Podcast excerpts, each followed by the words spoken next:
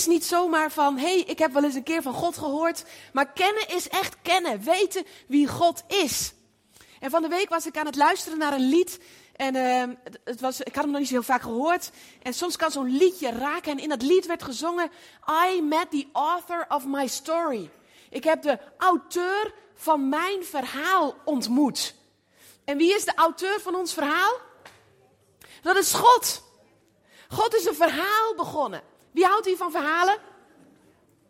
Wie houdt er van sprookjes?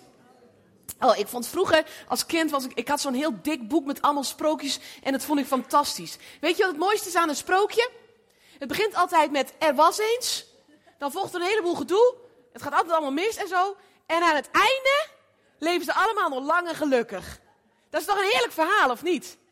Wie, wie wil nou niet zo'n verhaal leven? Nou, ik moet heel eerlijk zeggen dat ik ook wel in mijn eigen leven ervaar dat ik heel vaak in dat gedoe in het midden zit.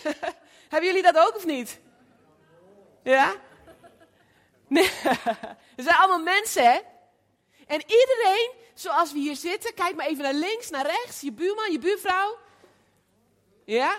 Wij hebben allemaal een eigen verhaal. We komen ergens vandaan. Onze broeder hier komt uit Rwanda. Ik kom uit Teborg. En nu woon ik in Aalten. Misschien weet je niet waar dat ligt. Dat is in de achterhoek. Niet zo heel ver weg van hier. Maar zoals we hier zitten, we komen allemaal ergens vandaan, toch? En we hebben allemaal dingen meegemaakt in ons leven. Mooie dingen, moeilijke dingen. Dat is het verhaal dat is van ons leven, ons levensverhaal. Maar het mooie is, als je dat gaat zien, dat jouw leven deel uitmaakt van een veel groter verhaal. Het verhaal van God met mensen.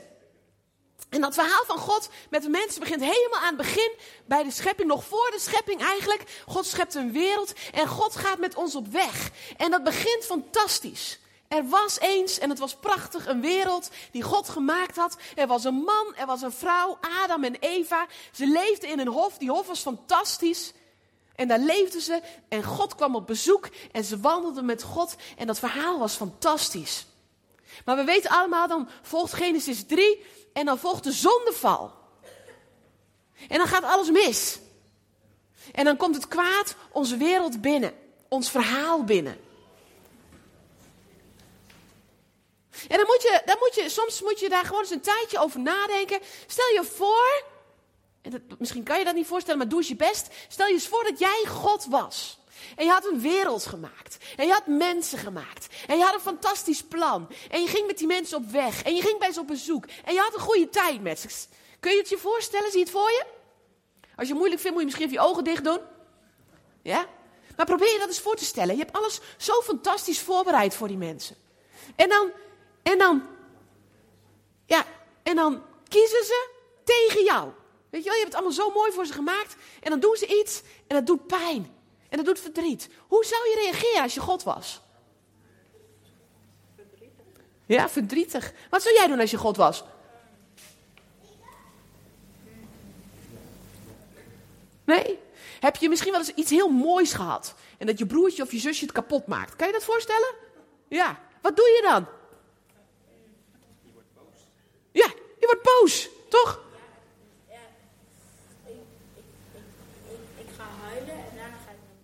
Je gaat huilen en daarna ga je naar je moeder. Precies. Want er is namelijk iets gebeurd en dat is niet eerlijk. Toch? En je wilt eigenlijk dat het weer hersteld wordt. Nou, heel vaak zijn wij zoals mensen, als dat één keer gebeurt, dan kun je misschien nog wel een keer overheen stappen. Maar stel je voor dat iemand het nou iedere keer opnieuw doet. Expres datgene kapot maakt wat jij zo mooi hebt gemaakt. Op een gegeven moment dan zeg je toch, nou, weet je wat? Ik heb een goed idee, bekijk jij het je maar. Wie van ons zou dat, uh, zou dat doen? Wie van ons zou op een gegeven moment zeggen, nou, ik ben er klaar mee. Ah, kom op jongens. We zijn mens. ja? Zo zitten wij toch in elkaar. En dan zeggen we nou, weet je wat, het is genoeg geweest.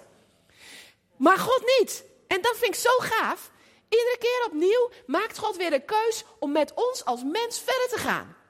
Nergens in de Bijbel lees je dat God na de zondeval zegt: Nou, het was wel goed hoor, die wereld van me, maar nou is niks meer.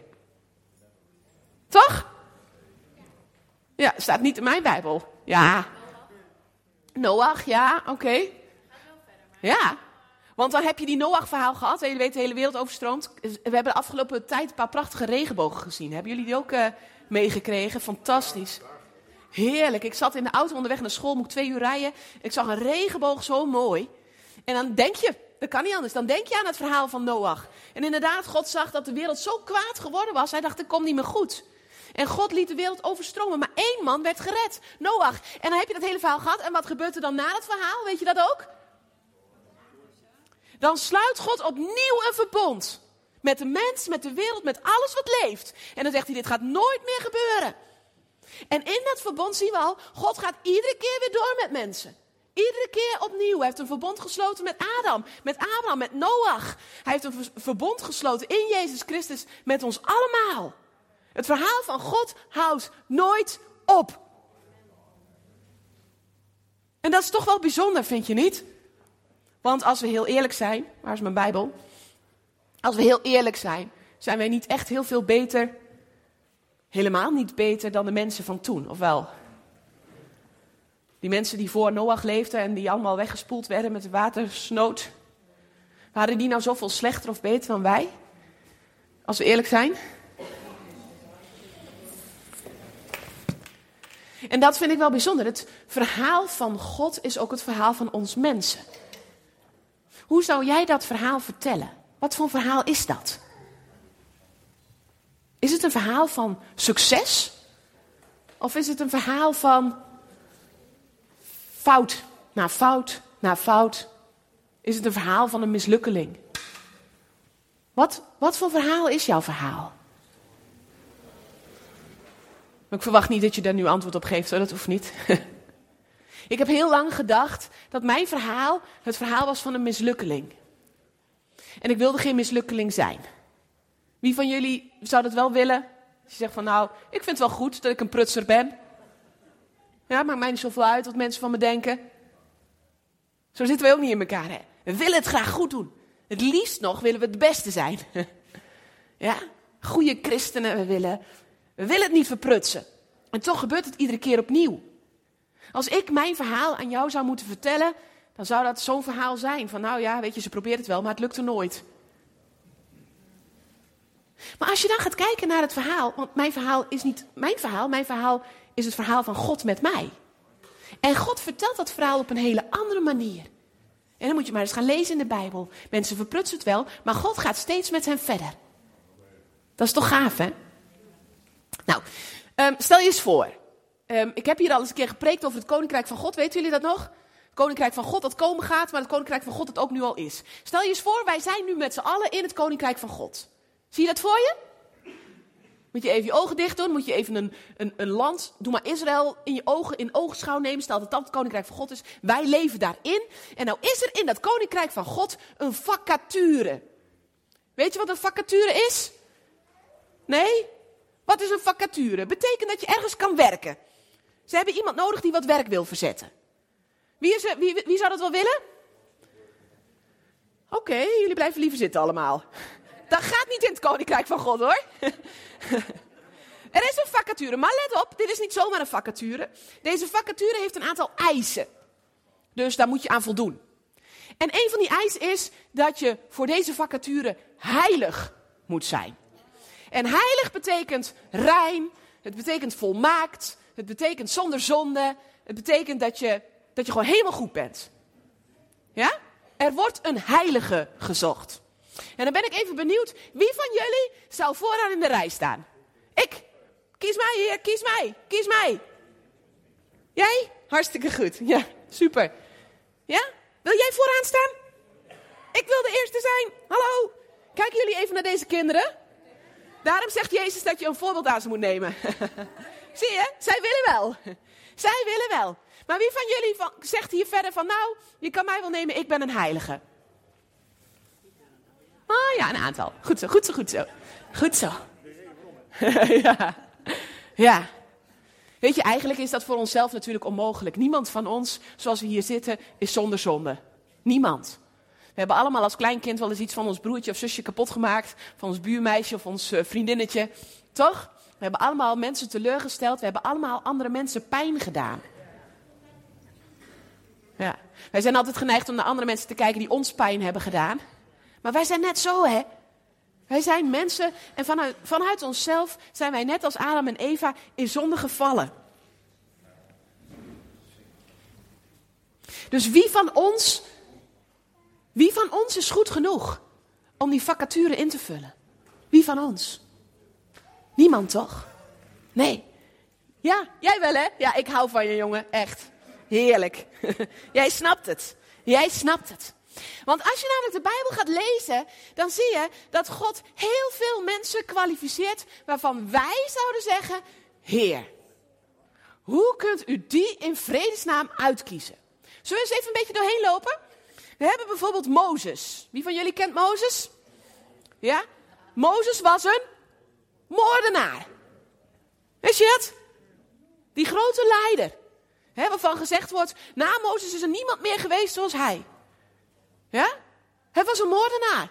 En God koos hem uit. Hoe dan? Hoe dan, heer? Ja, David. Heel goed, die werd ook door God uitgekozen, hè? Maar dat was ook niet zo'n brave borst, hoor. Nee, zeker niet. Hij was eigenlijk, hè, als je goed leest, kan je in de Bijbel lezen dat hij een bastaard was. Dus een kind wat niet geboren was uit een huwelijk. Nou, dat was in die tijd echt uh, onacceptabel. En dan gaat hij zelf aan de slag, verprutst hij het ook nog eens, hè? Dan, gaat hij, dan pleegt hij overspel. Gaat hij met een vrouw van iemand anders. Nou, dat kan helemaal niet natuurlijk. Hè? Dat gaat niet. Heer, hoe dan? Waarom kiest u nou zo iemand uit? Weet jullie er nog meer? Weet je er nog meer? Noah of niet? Oh, hij is er niet meer bij. Geeft niks. Kijk, kijk eens naar de discipelen van Jezus. Daar hadden we Petrus. Die heet gebakerde Petrus, weet je wel, die zijn zwaard al trok voordat Jezus wat kon zeggen. En hupsakee, dat oor eraf. Petrus, die Jezus drie maal verraden heeft. Wie zou zo iemand nou uitkiezen? Of Jacobus en Johannes, Jezus noemt hen de zonen des donders. Nou, klinkt ook niet echt positief, hè? ja. En dan hebben we Matthäus. Matthäus was ook een discipel van Jezus. Weet je wat hij van beroep had? Hij was tollenaar. Hij pestte de mensen af. Ook niet zo'n fraaie kerel.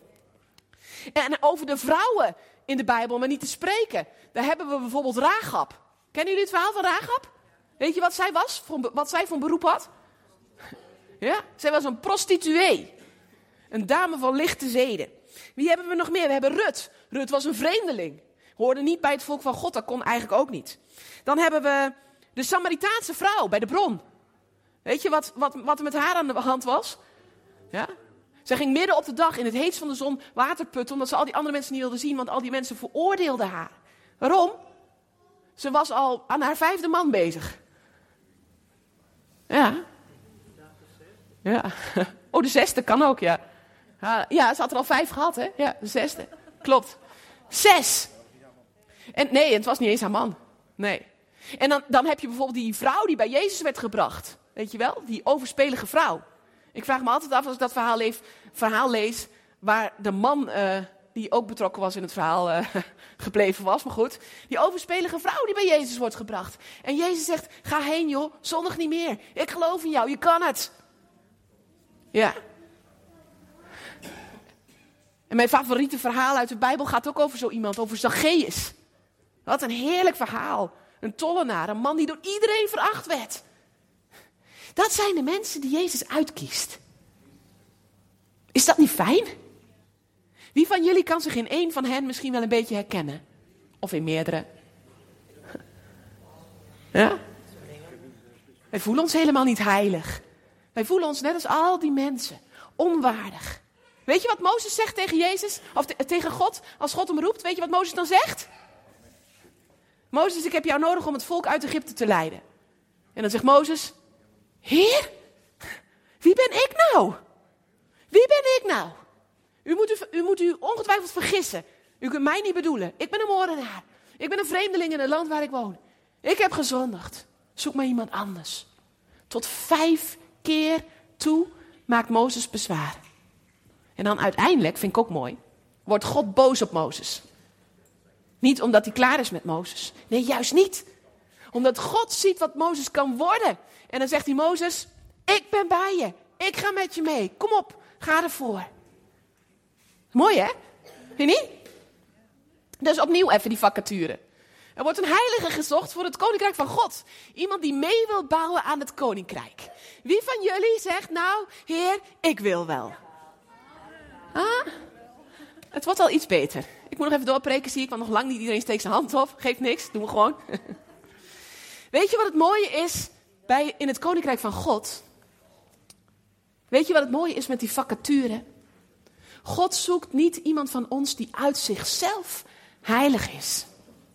We hebben het avondmaal gevierd. We hebben gegeten van het lichaam van Jezus. Toch? Ja? We hebben gedronken van zijn bloed.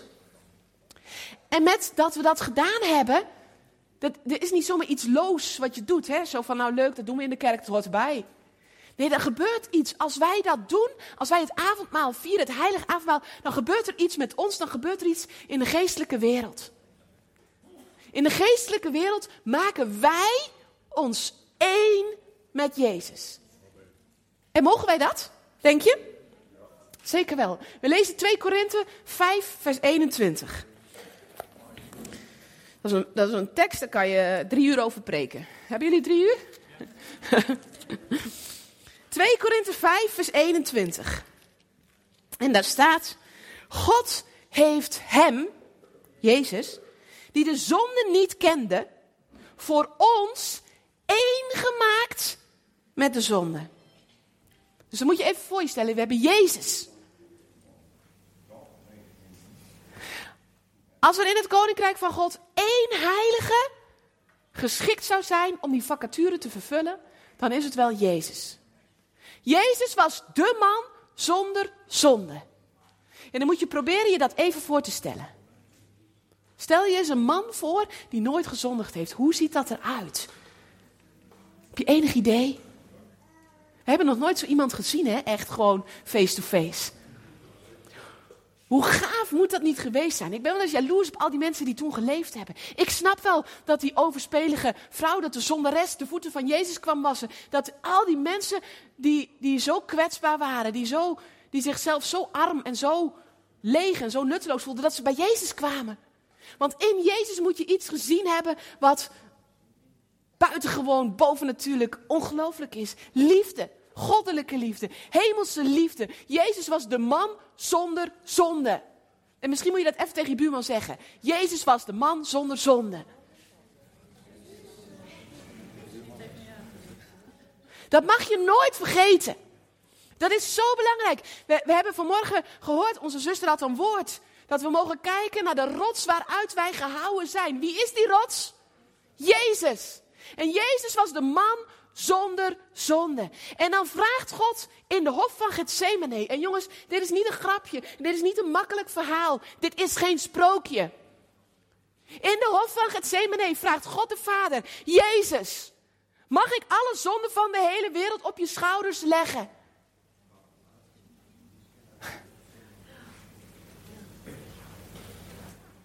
Snappen wij dat Jezus zegt, nou Heer, alsjeblieft niet. Laat die beker aan mij voorbij gaan. Snappen wij dat? Snappen wij wat daar gebeurt? En dan zegt Jezus, maar niet mijn wil, maar uw wil geschieden. We kennen het verhaal, toch? Dat verhaal van Jezus begon niet in Gethsemane. Dat verhaal van Jezus begon al eerder. En zeker de openbare bediening van Jezus. Weet jullie wat de eerste gebeurtenis is als Jezus aan zijn werk begint? Wat, wat gaat hij als eerste doen?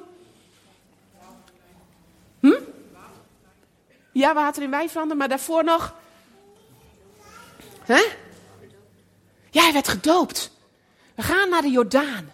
En daar is Johannes bezig met dopen. Hij doopt mensen zoals jij en ik. Mensen die een oud leven hebben, vol zonde. Mensen die verlangen naar een stukje van die heiligheid waar we het net over hadden. En dan gaan ze naar Johannes. En Johannes dompt ze onder in het water. En ze komen weer omhoog. En dan laten ze hun oude leven achter en ze beginnen aan een nieuw leven. En dan op een goede dag, Johannes is lekker bezig. Stel ik me zo voor dan, hè. Lekker het zonnetje schijnt en de mensen zijn er allemaal. En dan komt dwars door al die mensen, die hele mensenmenigte, komt Jezus aangelopen. En de menigte wijkt uiteen. En Jezus komt naar de Jordaan en dan zegt hij: Johannes, jij moet mij dopen. Want we moeten de gerechtigheid van God vervullen. En dan zegt Johannes, want Johannes wist wie Jezus was. Hè? Johannes was een neef van Jezus. En dan zegt Johannes, Heer, ik, ik ga, ja, ik ga u niet dopen. Nee, dat kan niet. U moet mij dopen. Maar dan zegt Jezus, laat het nou maar gewoon doen. En dan, en dan doopt Johannes, Jezus. Jezus gaat onder water, komt weer boven water. En dan, ik, ik heb daar zo lang mijn hoofd over gebroken. Waarom gebeurt dat? Waarom doet Jezus dat? Jezus had toch geen oud leven? Jezus was, we hebben net gelezen, de man zonder zonde. Waarom gaat Jezus kopje onder om in een nieuw leven weer boven te komen? Waarom? En toen op een gegeven moment dacht ik, Heer, waarom? Toen, toen had ik het idee, ik stel me dat dan zo voor, hè, dat, weet je, het was het begin van de bediening van Jezus. En het was voor Jezus geen verrassing waar het uit zou komen. Jezus wist al van de hof in Gethsemane. Jezus wist waar hij voor gekomen was. En ik denk dan bij mezelf, toen Jezus daar in de Jordaan stond, was het alsof Jezus tegen zijn vader in de hemel zei, Heer, hier ben ik. U hebt een vacature voor een heilige, u hebt een vacature voor iemand die de wereld gaat redden, ik wil het wel doen. Die handeling daar in de Jordaan was symbolisch, het was profetisch. Daar liet Jezus al zien, oké, vader, ik zal sterven. Ik zal mijn oude leven, het oude leven van de hele wereld, zal ik afleggen. En ik zal opstaan in een nieuw leven. En dat nieuwe leven is het koninkrijk van God. Weet je ook wat daarna gebeurt met Jezus? Wat, dat moet, moet je je voorstellen. Stel je voor dat jij op de kant had mogen staan om te zien wat daar gebeurde. Fantastisch. Denk je niet? Jezus gaat onder, hij komt boven. Wat gebeurt er dan? Nee, nee, nog niet de stem uit de hemel. Eerst gebeurt er nog wat anders. Ja, de duif komt uit de Dus de hemel gaat open. Er komt een duif uit de hemel, die komt op Jezus. En de duif is een symbool van de Heilige Geest. Dus we leggen het oude leven af. Jezus staat op in het nieuwe leven. En dan komt de Heilige Geest over hem. Was dat nodig? Ja. Want er gebeurt in de Bijbel niks wat niet nodig is. Daar kan je van op aan. Er staat geen letter verkeerd in de Bijbel. De Heilige Geest komt over Jezus. En dat doet wat met Jezus. En zijn oren gaan open. En wat gebeurt er dan? Ja, dan komt die stem. En die stem uit de hemel is van de Vader. Nou stel ik me voor dat er in de hemel, dat er een troon staat in de hemel. Een hele mooie, niet zoals deze, maar een hele mooie grote troon. En dan stel ik me zo voor op dat moment dat, dat God de Vader op het puntje van de troon zit. En dat hij naar beneden kijkt en dat hij zegt, wow jongens, engelen, kom op, kijk met me mee. Hier gaat het gebeuren. Zien jullie, daar staat mijn zoon Jezus. En Je Jezus zegt ja tegen het plan om de wereld te redden. Dat moet in de hemel episch zijn geweest. Dat kan niet anders. Het moment waar de hele schepping al zo lang op wacht. En dan staat Jezus daar in de Jordaan. En, en God de Vader zit op zijn troon en hij kijkt. En dan ziet hij dat Jezus eigenlijk met zijn doop tegen, tegen zijn vader zegt: Ja, Heer, ik zal het doen. Ik ben bereid.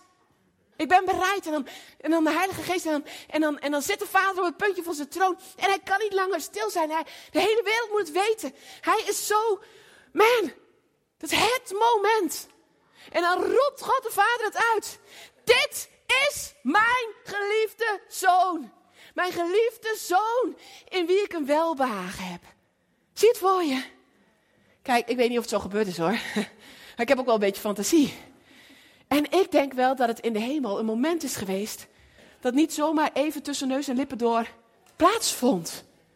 Denk je wel?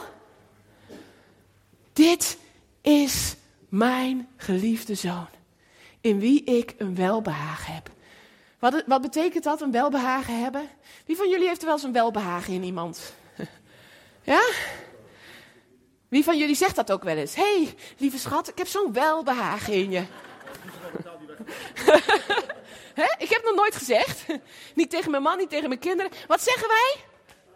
Oh, ik geniet zo van je. Wat heb ik een plezier in jou. Toch? Ik vind je te gek. En dat is eigenlijk wat God hier zegt over zijn zoon. Hij zegt, ik kijk uit de hemel. En ik heb zo'n plezier in Jezus. Nou, even terug naar ons verhaal. Weg met de troon. We zijn weer op aarde. Uit de hemel. We hebben gelezen namelijk in die tekst dat Jezus zich één heeft gemaakt met onze zonde. Hè? Maar die tekst gaat nog verder. Dan staat er, zodat wij door hem rechtvaardig voor God konden worden. Dus een beetje een moeilijke zin. Dat wij rechtvaardig voor God konden worden. Wat betekent dat? Wat betekent zo'n zin? Jezus heeft zich één gemaakt met onze zonde in de hof van Gethsemane. Man, dat was heftig. Dat was veel heftiger dan dat Jezus kopje onderging in de Jordaan. Jezus heeft geworsteld met jouw zonde en met de mijne. Wist je dat Jezus in de hof van Gethsemane bloed heeft gezwoten, gezweten, geswoten? bloed. En dat schijnt te kunnen als je onder hele hoge druk staat. In de hof van Gethsemane zag Jezus het allemaal.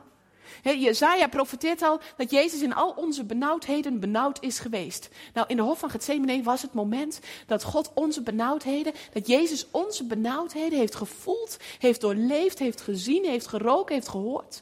Met al zijn zintuigen, want hij was mens. En het ging niet aan hem voorbij, was hij daarbij betrokken. En het was zo intens heftig voor Jezus dat hij bloed begon te zweten. Nou kan ik jullie dit vertellen. En het kan zelfs al wel indruk op je maken. Maar nooit kunnen wij bevatten wat dat voor Jezus betekend heeft. Nooit. Want doordat hij de zonde van de wereld op zich nam, was het contact met zijn vader in de hemel verbroken. Een contact wat een eeuwigdurend liefdesverbond was tussen de vader, de zoon en de geest. En op dat moment kon de zoon daar geen deel meer van uitmaken door de zonde van de wereld. Jouw zonde en mijn zonde. Op dat moment werd die heilige drie-eenheid doorbroken. Waarom? Om jou en mij in die eenheid te betrekken. En dan staat, zegt Paulus, dat doordat Jezus dat gedaan heeft, doordat Jezus zich één heeft gemaakt met onze zonde, mogen wij ons nu één maken met zijn rechtvaardigheid. Hij zegt het op een andere plek ook al dat we Jezus aan mogen trekken. Met andere woorden, van buiten hoe God naar ons kijkt. Het verhaal wat God over ons vertelt, is het verhaal van heilige mensen. Rechtvaardige mensen. Niet omdat ik zo goed ben, niet omdat jij zo goed bent, niet omdat wij nooit meer zondigen, maar omdat Jezus voor ons heeft gedaan. Wij mogen Jezus aantrekken. Zie je het voor je? Ja, ik ben een beelddenker, dus ik zie dat altijd in plaatjes. Ja. En dan, weet je, ik zie dat altijd zo voor me. Wie, wie van jullie is wel eens op het strand geweest? En dan heb je altijd van die mensen, en die, die, die, die gaan dan heel moeilijk doen op het strand. Dus een hele grote handdoek, die doen ze om zich heen. En dan moeten hun kleren uit, en dan, en dan moet zo de, de, zwemkleding aan. Het is altijd heel gepruts. Zie je het voor je? Nou, ik denk wel eens, zo ziet dat eruit voor God. Weet je wel? We hebben Jezus om ons heen geslagen. En als God uit de hemel kijkt, als wij van buiten, uh, hè, als mensen naar ons kijken, dan zie je ze een rechtvaardige, een heilige. Maar van binnen, onder, de, onder de rechtvaardigheid van Jezus, moet er nog wel een heleboel gebeuren. De Bijbel zegt ook dat ons denken vernieuwd moet worden. Dat, wij ons, hè, dat we een dagelijkse levensheiliging is. Dat is er ook allemaal. Maar hoe God naar ons kijkt, is in Jezus. Dus als God een vacature uitzet voor een heilige, wie is daar dan voor geschikt? Wie mag solliciteren? Het is de bedoeling dat jullie nu allemaal je hand omhoog steken. Ik zal jullie helpen. Wij allemaal. Wij allemaal. God kan ons allemaal gebruiken voor zijn plan. Net als Mozes en David en de hele rit. Wij allemaal. Kijk, en Noah begreep dat aan het begin al. maar ik hoop dat jullie het nu allemaal begrijpen. God wil jou en God wil mij. En hij zegt, ik keur jou goed. Helemaal, 100 procent. 100 procent. 100 procent. En dan wil ik heel graag dat je heel even stil wordt. Weet je, ik kan nu aan jullie vragen van, hey, zie je jezelf als een rechtvaardige? Ben jij heilig? En dan weet je dat ik graag wil horen dat je ja zegt. Maar je moet niet zeggen wat ik wil horen, dat heeft niks geen zin. De vraag is, als jij alleen in je kamertje zit, en de lampen zijn uit, ja, en er is niemand meer om je heen, niemand meer die naar je kijkt, hoe kijk jij dan naar jezelf? Hoe zou jij dan jouw verhaal vertellen? Is dat het verhaal van een zondaar? Of is dat het verhaal van een heilige? Hoe kijk jij naar jezelf? Stel je voor, je staat morgens voor de spiegel. En je kijkt in de spiegel, wat zie je dan? Wat zie je dan? Zie je dan een zondaar die maar probeert en iedere keer weer faalt? Als wij ons één mogen maken met Jezus, hou je ogen nog maar even dicht. Zie Jezus daar maar staan, in de Jordaan. Oude leven is afgelegd. Hij is opgestaan in een nieuw leven. En dan gaat de hemel open voor Jezus. Maar wij hebben ons eengemaakt met Jezus. Dus de hemel gaat ook open voor ons, voor jou en voor mij. En dan komt de Heilige Geest met zijn kracht over jou. En hij gaat in jou aan het werk om jou te heiligen. En hij wil door jou heen aan het werk. Dus als je je nog niet hebt aangemeld voor de dag met Jaap en Astrid, doe dat gauw. Want je moet weten wat dat betekent. Dat God door jou heen wil werken in deze wereld. Maar dan gebeurt het. Want dan is het is nog steeds niet klaar, hè, dat verhaal. Als je niet op die laatste plek aankomt, is het eigenlijk allemaal een beetje jammer. Heel jammer. Want het is de bedoeling dat je oren open gaan en dat jij die stem uit de hemel hoort. En ik hoop dat je hem hoort. Zie je jezelf nog staan daar in de Jordaan? Doe je oren open, hoor wat God zegt over jou. Dit is hoe Gods verhaal klinkt over jou. En dan zegt hij tegen je: Jij bent Gods geliefde dochter. Hij zegt: Hé, hey, mijn geliefde dochter in wie ik plezier heb. Mijn geliefde zoon, mijn geliefde dochter, mijn geliefde dochter. God zegt: Ik heb plezier in jou. God zegt: Ik geniet van jou. God zegt: Ik moet jou hebben. Jij hoort erbij. En jij, en jij, en jij, en jij. En ik, ik kan me wel zo eens voorstellen dat God over deze mensen het allermeeste plezier heeft. Weet je wel, die zo onbevangen hun hand opsteken. Ja, hier, ik wel. Ik wel. Kinderen. God zegt: Kijk naar de kinderen. Want zij snappen het gewoon. Zij horen erbij. Zij horen erbij. Ja, we zijn bijna klaar, dat klopt. Zie, zij snappen alles. Hè? Kinderen zijn zo heerlijk. Nou, ik moet heel eerlijk zeggen, wij hebben logies in huis. Mijn man en mijn kinderen zijn er ook niet. Wij hebben logies huis. Mijn zusje logeert met haar man en kinderen bij ons. En die kinderen zijn nog heel klein. En dan lag ik vannacht lekker te slapen en begint in één keer zo'n baby te huilen. Toen dacht ik, ah, ja, zo was dat. Dus ik wil maar even zeggen, heel veel respect voor al die mensen met kleine kinderen. Want ze zijn hartstikke schattig, maar midden in de nacht net iets minder. Toch? Heb je de stem van God gehoord over jouw leven? Weet je, als Jezus daarna de, de woestijn ingaat en dan wordt hij verzocht en dan komt de duivel en die zegt: Hé, hey, ben jij niet Gods zoon? Ja, was waar hè? De duivel spreekt soms de waarheid. Maar hij laat soms heel belangrijke dingetjes weg. Want Jezus was niet Gods zoon. Jezus was Gods geliefde zoon. Geliefd. En dat mogen we niet weglaten. Durf je het te zeggen? Ik, Gerdien, ben goedgekeurd door God. Ik ben zijn geliefde dochter en hij heeft plezier in mij. Ik durf dat nu te zeggen. Het heeft me jaren gekost. Maar ik weet dat het waar is. God geniet van mij. Durf je dat te zeggen van jezelf? Zeg het maar gewoon even. Vul je eigen naam in en zeg maar, ik ben, ik ben goedgekeurd door God. Hij is mijn vader, ik ben zijn geliefde zoon, ik ben zijn geliefde dochter. Zeg het maar, ik ben Gods geliefde kind. Ja, en ik hoop dat deze waarheid heel diep je hart binnenkomt. En ik hoop dat je van de week gewoon eens de tijd neemt om op een stoel te gaan zitten met je ogen dicht. En dat je gaat voorstellen, maar wat betekent dat nou? Als ik Gods geliefde kind ben, wat betekent dat dan? Wat moet ik veranderen in het verhaal dat ik vertel over mijzelf als ik echt Gods geliefde kind ben? Dan ben ik dus goed genoeg. Dan mag ik dus meedoen. Dan ziet God mij zitten. En als je dat wel kunt zeggen, maar nog niet helemaal gelooft, dan bid ik dat je God vraagt. We, hebben ook een liedje gezongen, vond ik zo mooi, dat we zijn wil willen doen. Ja? Dat we, dat we hem willen kennen, hebben we ook gezongen. Ik wil u kennen, ik wil u kennen. Maar als je God wil kennen, betekent dat wel dat je in Gods verhaal moet stappen. En dat je moet gaan kijken zoals God kijkt.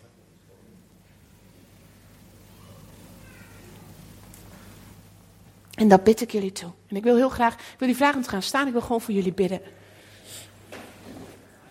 Weet je, ik zou heel graag, ik hou ervan altijd om ook een uitnodiging te doen en mensen naar voren te halen en om te bidden voor jou. En, en, en ik weet dat God en de Heilige Geest dan ook gaat werken. Maar weet je, vandaag wil ik dat eigenlijk een keertje niet doen. Want het gaat niet over wat ik zeg over jou. Het gaat niet wat ik denk dat God zegt tegen jou. Ik wil heel graag dat je zelf zijn stem leert verstaan. En daar wil ik voor bidden. Ik wil bidden dat je de Heilige Geest leert kennen in de stilte van je eigen kamer. Dat je gaat verstaan wat die stem van God over jou zegt. En als je dat nog niet kan pakken, je hebt, uh, ik geloof twee weken, en dan komen Jaap en Astrid hier. Als er in die twee weken niks gebeurt, dus als je Gods stem niet verstaan hebt, moet je zeker komen. Serieus. En dan gaan zij wel voor je bidden. En dan komt alles goed. Ja? Maar ik hoop dat God het jezelf laat zien. Want niks is mooier dan de openbaringen die God aan jouzelf geeft. Niks maakt meer indruk. Niks komt dieper binnen dan wat God direct in jouw hart spreekt. En lieve Vader, daar bidden we u om. U bent de Vader van Jezus. En u hebt over Jezus uitgeroepen: Dit is mijn geliefde zoon, mijn geliefde dochter. En u nodigt ons uit om ons één te maken met Jezus. Onze zonde bij het kruis achter te laten. En Heer, ik bid voor iedereen die hier zit en die bij het woord zonde direct denkt aan alles wat hij fout heeft gedaan. Aan al die, al die zonden die ons nog zo voor ogen staan. Heer, ik bid, Heer, dat we gewoon nu ook op dit moment ervoor mogen kiezen. En als het jou betreft, kies er dan voor. Om nu ook gewoon je zonde bij Jezus achter te laten, bij het kruis. Maak je één met Hem. Maak je mij één met Hem. En jullie mogen mij gewoon allemaal even nabidden, dan doen we dat gewoon samen. Bid mij maar na. Lieve Jezus, dank u wel dat u voor mij in het kruis bent gestorven. Dank u wel dat u mijn zonde op u hebt genomen in de hof van Gethsemane. En ik kies ervoor om mij nu één te maken met u. U bent voor mij gestorven. En nu mag ik met u leven. Amen. Dank u wel, Jezus, dat dat leven ook nu mag komen. Ik bid, Heer, voor hen die de Heilige Geest nog niet kennen, nog niet ontvangen hebben. Heer, dat u nu gewoon hun oren opent, dat u het hun laat zien, Heer. Ik bid, Heer, dat ze uw stem mogen horen. Geliefde zoon, geliefde dochter. Jij bent mijn geliefde zoon, mijn geliefde dochter. En Heer, ik bid dat u daar in de komende weken nog heel veel woorden aan toe gaat voegen, persoonlijke woorden. Heer Jezus, spreek tot onze harten. Wij willen u kennen, echt kennen, van hart tot hart kennen. Heer, dank u wel voor de kinderen. Dank u wel, Heer, voor hun eenvoud en een eenvoudig begrip. Heer, dank u wel dat we aan hen een voorbeeld mogen nemen. Heer, zij geloven het gewoon als u zegt dat u van ons houdt. En dat bid ik voor ons allemaal. In Jezus' naam. Amen.